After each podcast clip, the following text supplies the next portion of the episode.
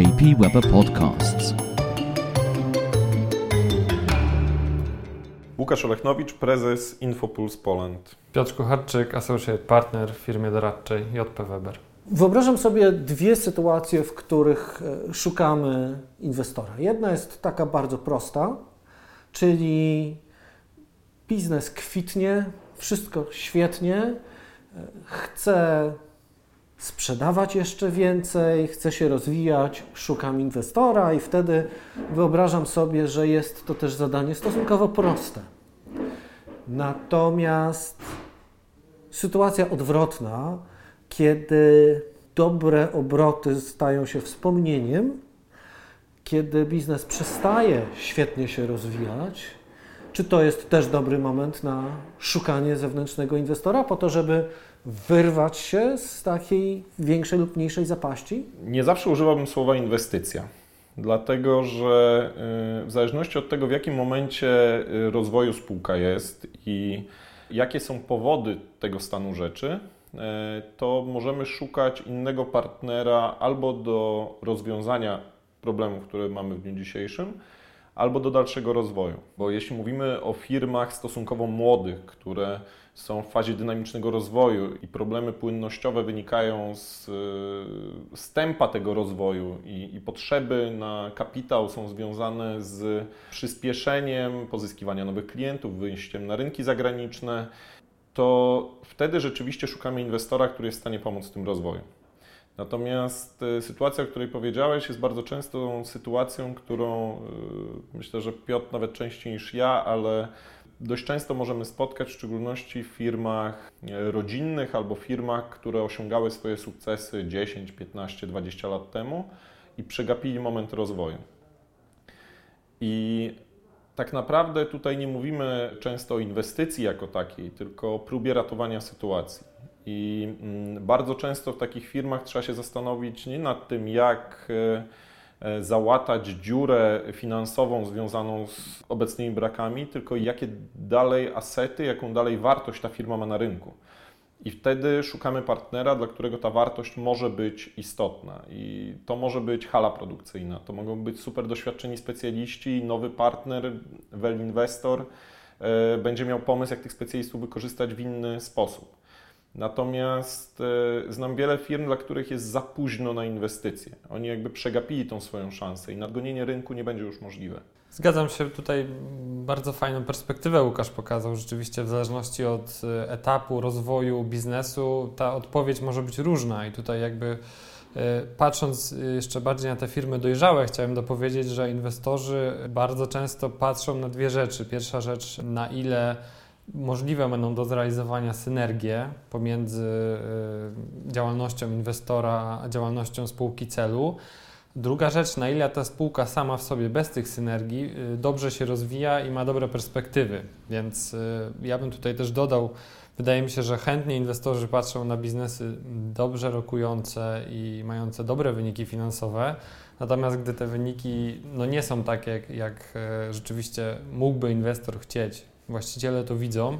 Tutaj wydaje mi się, że należałoby poszukać innego rozwiązania, które pomoże ten biznes przywrócić na dobre tory i wtedy wrócić do, do pomysłu szukania inwestora. Tutaj padł taki, takie pojęcie punktu inwestycyjnego, punktu rozwoju, które można przegapić, a lepiej tego nie zrobić. Samo stwierdzenie punkt oznacza ograniczenia. Co to dokładnie znaczy? To znaczy, jak nie przegapić tej chwili, tego okienka, kiedy firma się rozwija, jesteśmy atrakcyjni, ale zaraz przestaniemy. Na 100% to powiem Ci po fakcie.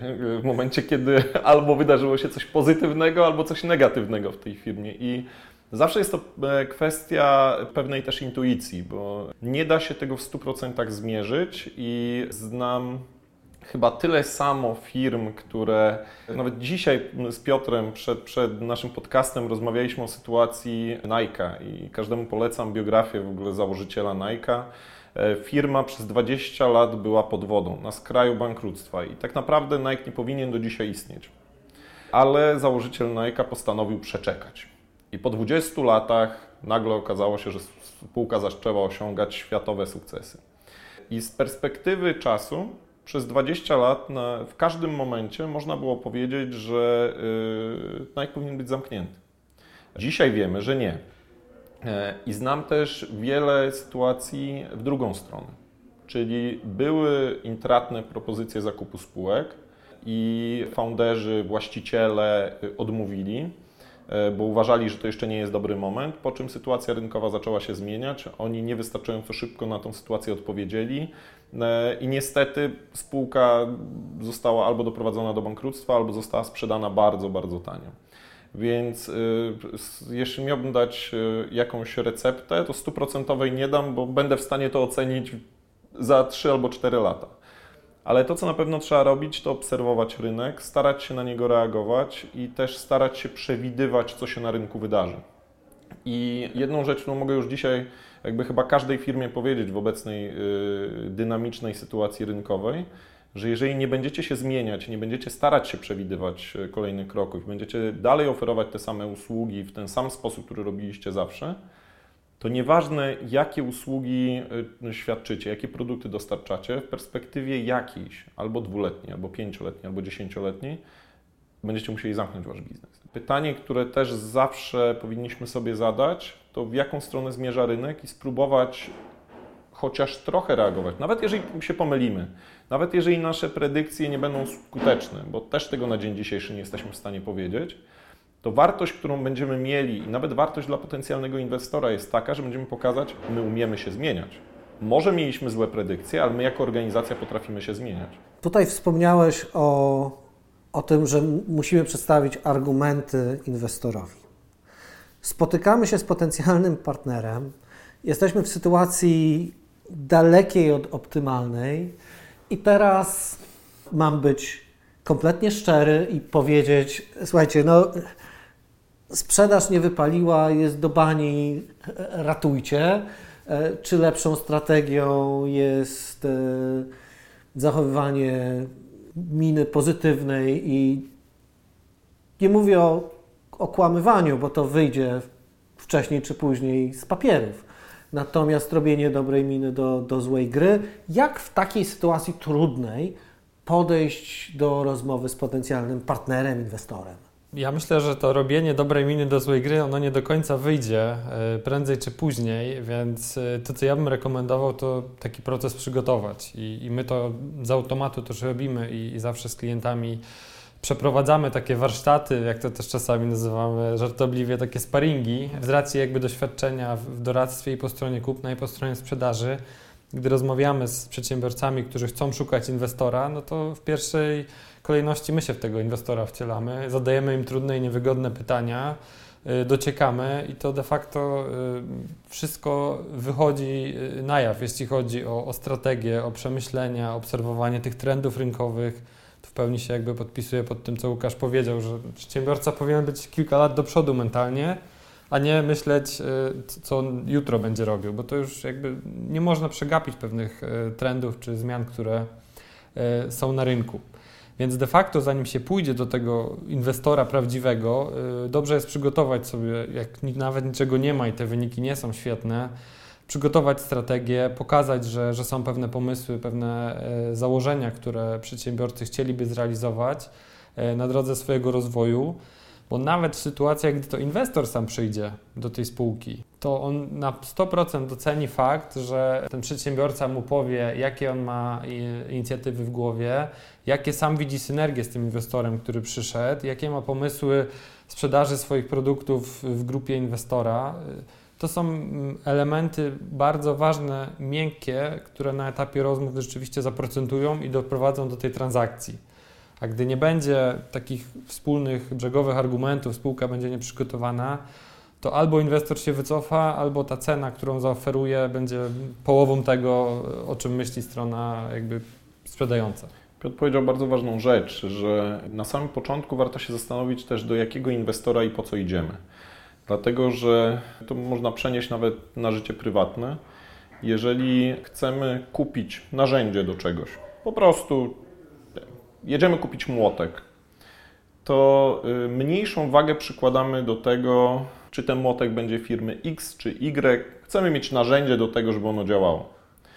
Natomiast w momencie, kiedy kupujemy załóżmy telefon, to mamy fanów e, telefonów Apple'a, mamy fanów telefonów Samsunga, ale mamy też osoby, które po prostu chcą kupić narzędzie. I one kupią sobie telefon za 300, 400, może 500 zł. A mamy osoby, które za telefon będą w stanie wydać 5000. Czy z punktu widzenia użyteczności oni wykorzystują inne funkcje? Pewnie nie. Natomiast kupują to z jakiegoś dodatkowego powodu.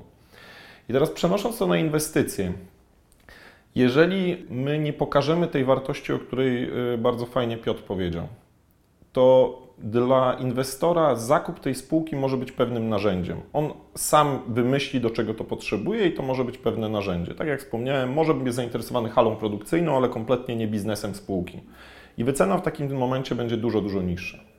Ale jeżeli my pokażemy tą dodatkową wartość, my pokażemy tą przyszłość, to wtedy inwestor kupuje pewną obietnicę i wycena nie opiera się na realnej wartości młotka, telefonu czy czegokolwiek innego, tylko na y, wartości pewnej obietnicy, która ma zostać zrealizowana w przyszłości. Czyli wspomnianej synergii, czyli y, tego, że jeżeli przeniesiemy nasz biznes na trochę inne rynki docelowe, to będziemy w stanie tam sprzedawać więcej albo sprzedawać zupełnie innym partnerom, innym klientom. I, I, to jest jakby kluczowa kwestia, że bez tego przygotowania, o którym Piotr powiedział, my sprzedajemy tylko narzędzie, coś, co mamy tu i teraz. Bardzo trudno będzie pozyskać inwestora, który akurat y, nie zauważył, że brakuje mu jednego puzla do układanki i my idealnie się z tym wpisujemy jako, y, jako ten element tej układanki.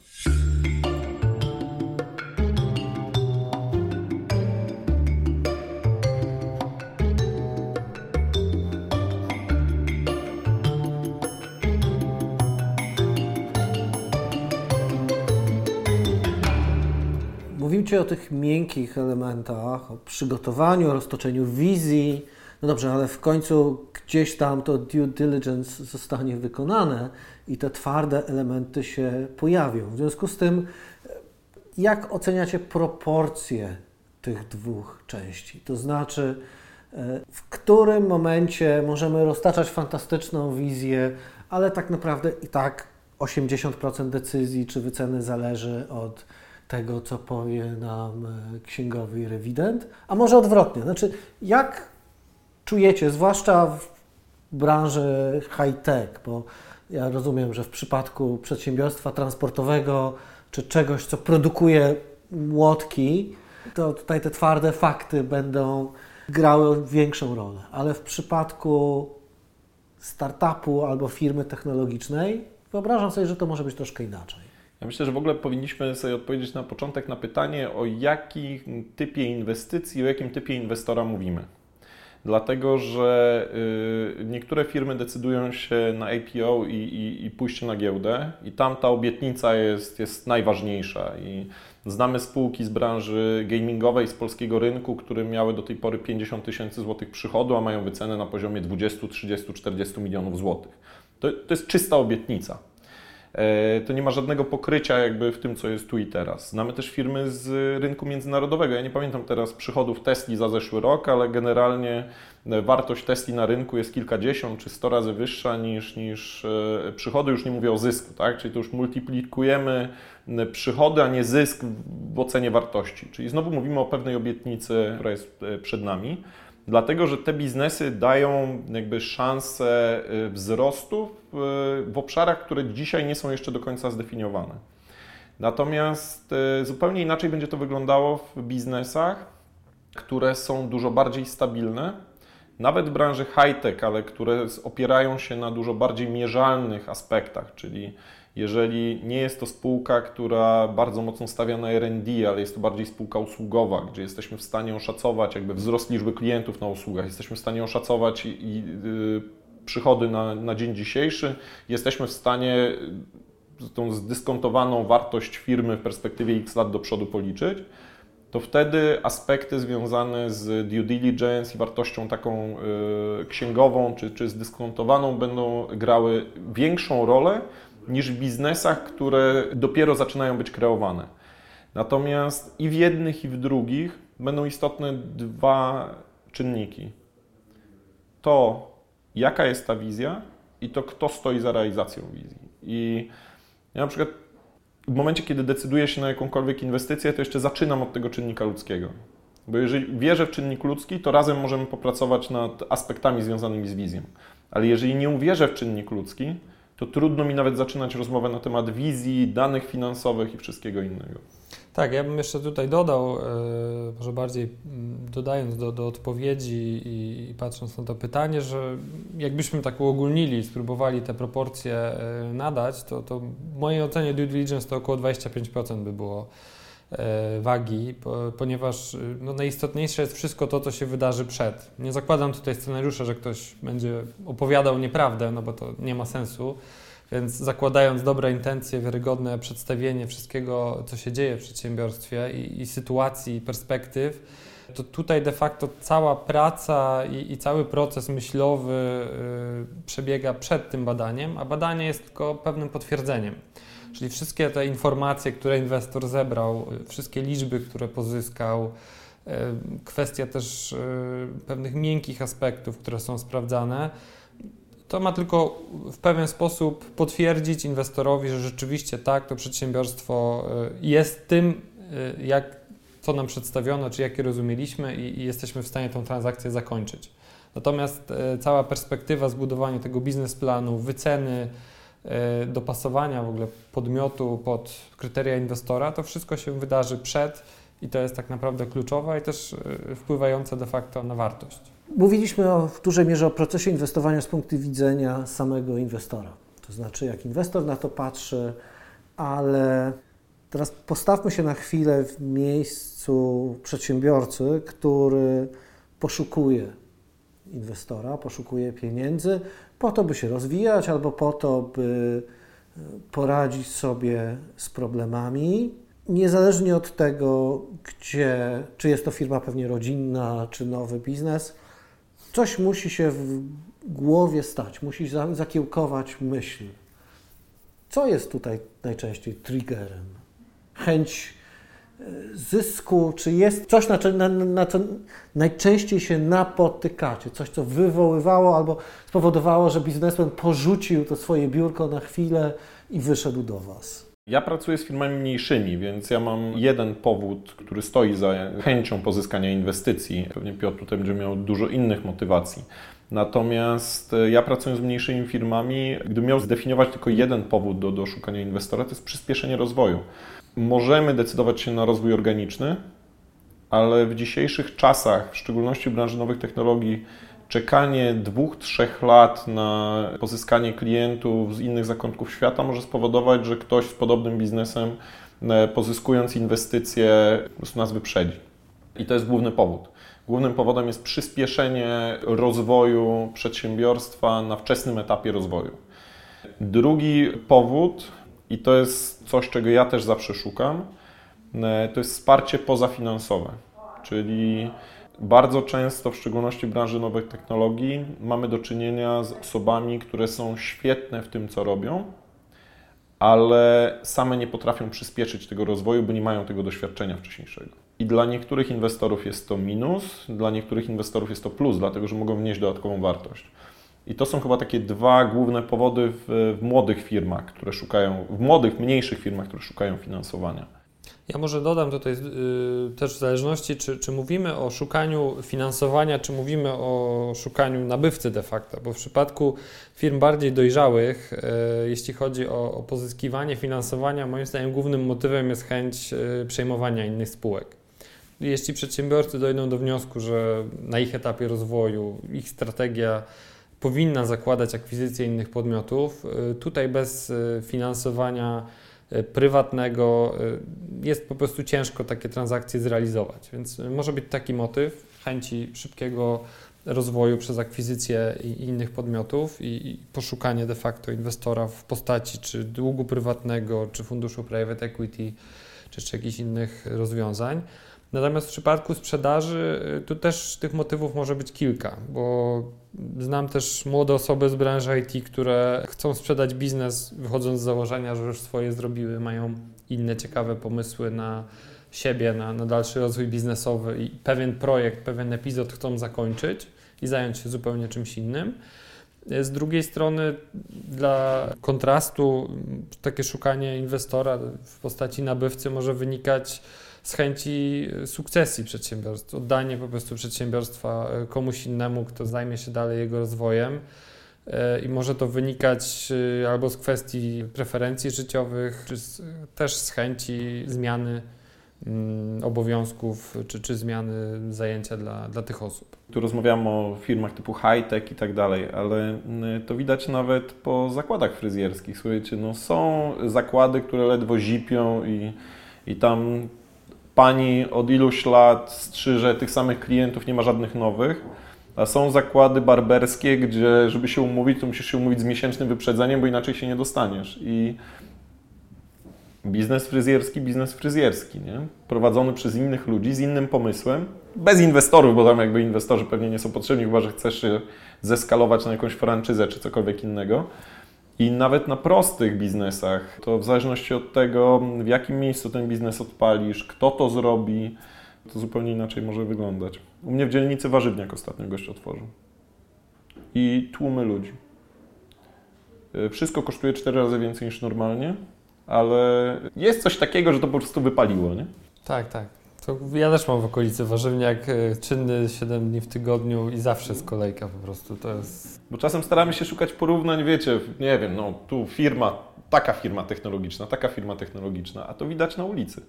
Bo dwa warzywniaki padły, a trzeci się założył i, i jest super sukcesem.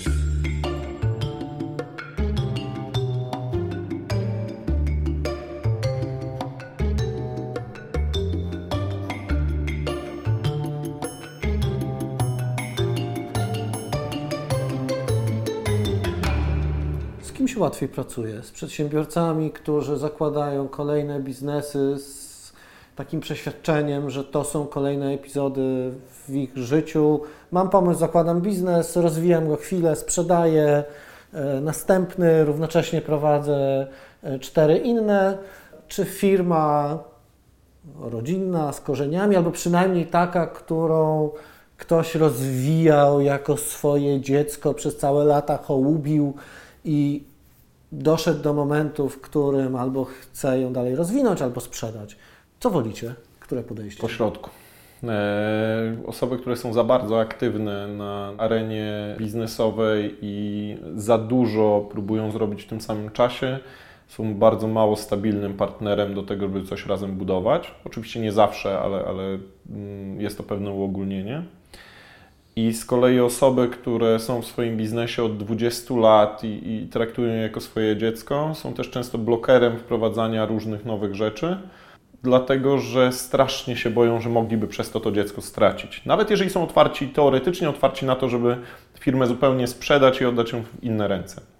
Więc powiedziałbym, że niezależnie czy ktoś jest w biznesie 20 lat, czy jest aktywny dzisiaj w tym samym biznesie, tak? czy, czy zmienia te firmy co kilka lat, Myślę, że trzeba znaleźć e, jakiś złoty środek w tych wszystkich elementach, bo e, zarówno inwestor będzie oczekiwał jakichś zmian w biznesie i pewnej otwartości na te zmiany, ale też te, jakby to doświadczenie będzie chciał wykorzystać, jak i w tym samym czasie, pomimo jakby super otwartości na zmiany, będzie oczekiwał też pewnej stabilności, bo wdrażając jakąś nową strategię, trudno oczekiwać efektów za tydzień, za dwa czy za trzy miesiące, więc Wszystkie te elementy trzeba gdzieś wypośrodkować. Zdecydowanie tutaj ten złoty środek myślę jest ważny. W mojej ocenie często najtrudniejszymi klientami są osoby, które założyły biznes i po 30 latach chcą go sprzedać. To jest ich de facto kolejne dziecko, strasznie silna sfera emocjonalna. Tutaj jest to ogromne przeżycie dla tych osób i, i też Doradca wtedy musi się wcielić e, w rolę psychologa i, i, w odpowiedni sposób zarządzać też emocjami tej osoby, bo to jest naprawdę nieprzewidywalne i znam historię, gdzie po prostu w ostatnim momencie y, osoba sprzedająca może się wycofać, bo stwierdzi, że kurczę, przez 30 lat chodziłem do tej pracy, kocham tę pracę, kocham tę firmę, co ja teraz będę robił? W perspektywie roku, dwóch, no, odejdę z tej firmy. Więc y, to, to może być rzeczywiście trudne. Dodam, że ostatnio robiliśmy takie badanie, y, porównywaliśmy aktywność transakcji w Polsce i w Niderlandach, transakcji kupna, sprzedaży przedsiębiorstw. I de facto y, w Niderlandach kraju, który jeśli chodzi o liczbę ludności jest około połowa liczby ludności, która jest w Polsce, natomiast tych transakcji rocznie jest około trzy razy więcej. I to świadczy moim zdaniem też o takiej kulturze pewnej rozwijania biznesów, sprzedawania ich i, i realizowania kolejnych projektów. I de facto ktoś, kto się tym profesjonalnie zajmuje, kto zna też z drugiej strony tą pewną kuchnię, jak ten proces wygląda, czego się spodziewać, kiedy najlepiej sprzedać firmę, z czym się należy liczyć, rozmawiając z inwestorem. Wydaje mi się, że to są takie e, osoby, które, z którymi też no, dobrze się współpracuje i, i, i dobra jest ta kultura i, i, dynamika w ramach procesu. Ja w ogóle byłbym ciekaw porównania tego z innymi statystykami, na przykład e, chęcią do zmiany miejsca zamieszkania. Nie tylko jakby w sferze biznesowej, ale nie znam tych statystyk. Wiem, że w Polsce wyglądamy pod tym kątem średnio i wydaje mi się, że to też e, może się przekładać na sferę biznesową i na wszystkie inne ale to mogło być też ciekawe porównanie właśnie e, różnych wskaźników tutaj. A z Waszej praktyki, trochę prywatne pytanie bo użyłeś bardzo ciekawego stwierdzenia, że trzeba zarządzać emocjami.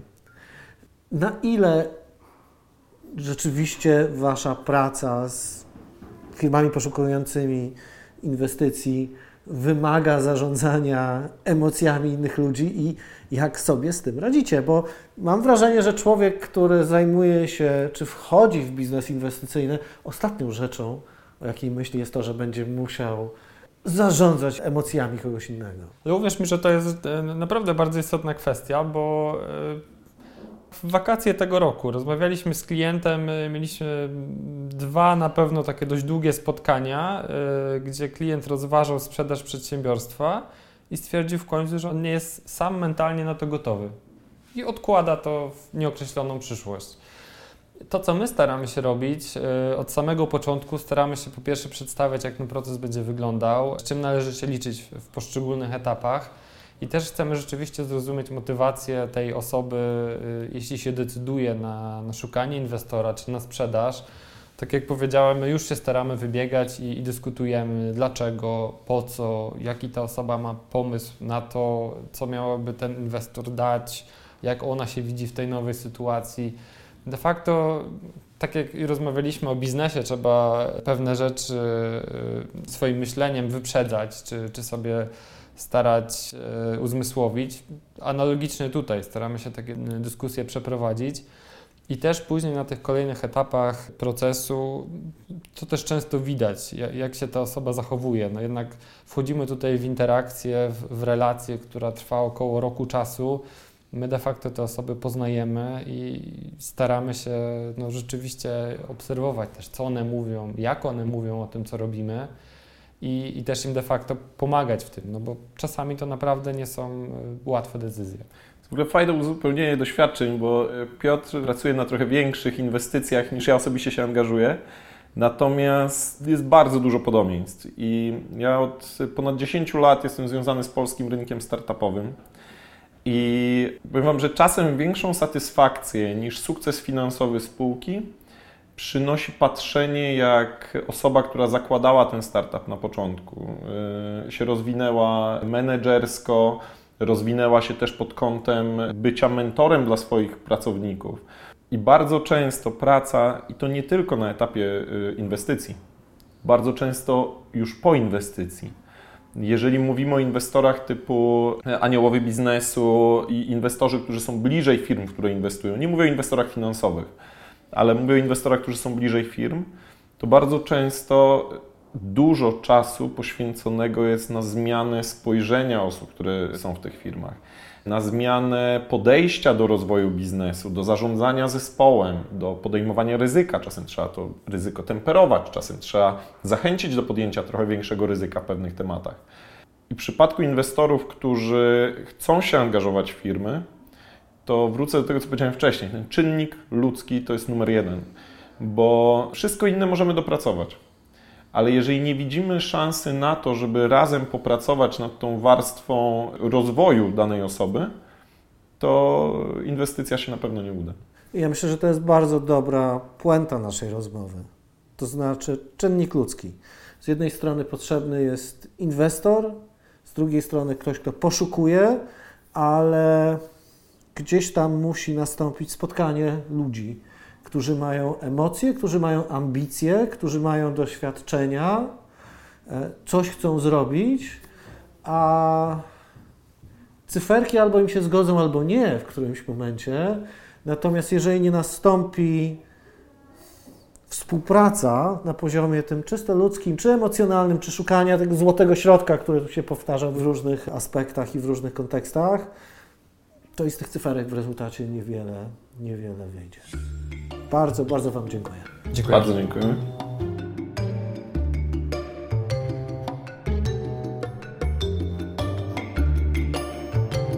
This podcast was made for JP Weber by Free Range Productions. Honest Audio.